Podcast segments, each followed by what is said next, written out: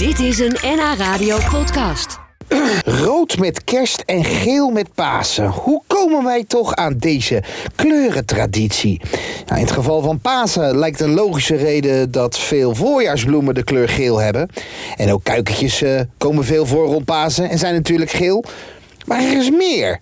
Kleurenexpert Fanny Zandvliet legt uit waarom geel zo bij Pasen hoort. Eh, zeg Fanny, eh, als ik naar buiten kijk, dan zie ik bij jou de kozijnen geel. Daar zou ik zelf aan moeten wennen.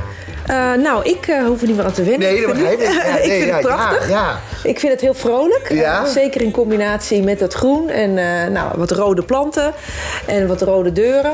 Maakt Ja. mij heel vrolijk als ik Ja, naar en buiten rood kijk. en geel, dat gaat blijkbaar goed samen? Ja, rood en geel, dat zijn beide warme kleuren en die trekken onze aandacht.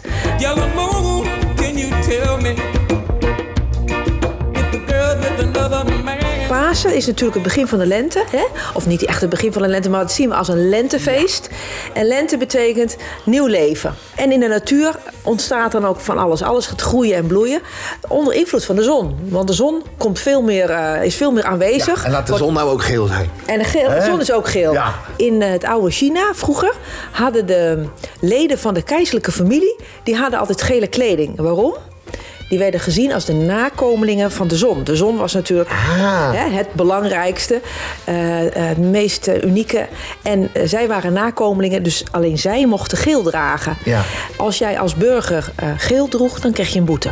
Misschien, misschien dat de reden waarom nu zo weinig mensen nog geel dragen. Want je valt hem zo mee op. Nou, dat is het. Dat wilde ik tegen je zeggen. Want eh, geel, mijn vader zei vroeger altijd... als ik een ik, gele auto moet je niet kopen, jongen. Want die krijg je aan de straatstenen niet meer verkocht. Eh, nee, eh, nee, heel weinig ja, mensen ja. willen gele kleding dragen of een gele auto in een gele auto rijden. dan? Omdat die kleur opvalt en niet iedereen wil opvallen. Heel veel mensen willen toch wel een beetje gewoon Ja. opgaan in de groep. Maakt ons alert. Denk maar aan ehm, borden langs de snelweg.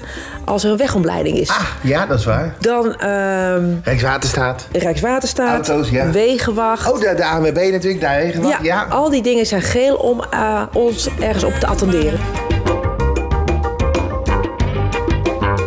Ik heb een collega die is, die is van die post-it. eh, Ja. Die plakt overal post-its op. Ja, op, de hele, op, de, precies. op zijn hele muur. Weet Dat je is wel? ook En- iets eh, om, eh, om in feite even de aandacht op te Ja. stellen. Als je iets niet wil vergeten, zet je het even op een post-it.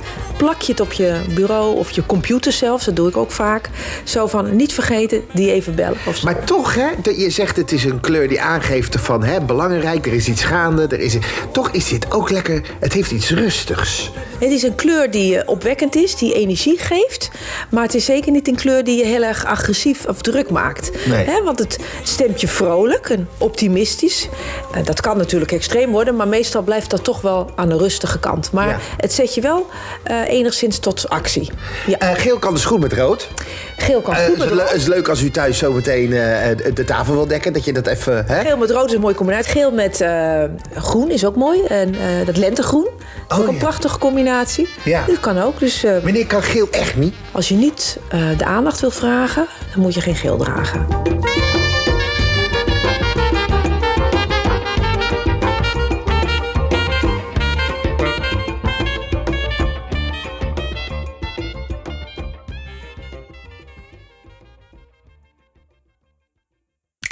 Dit was een NH Radio podcast. Voor meer, ga naar nhradio.nl. Radio.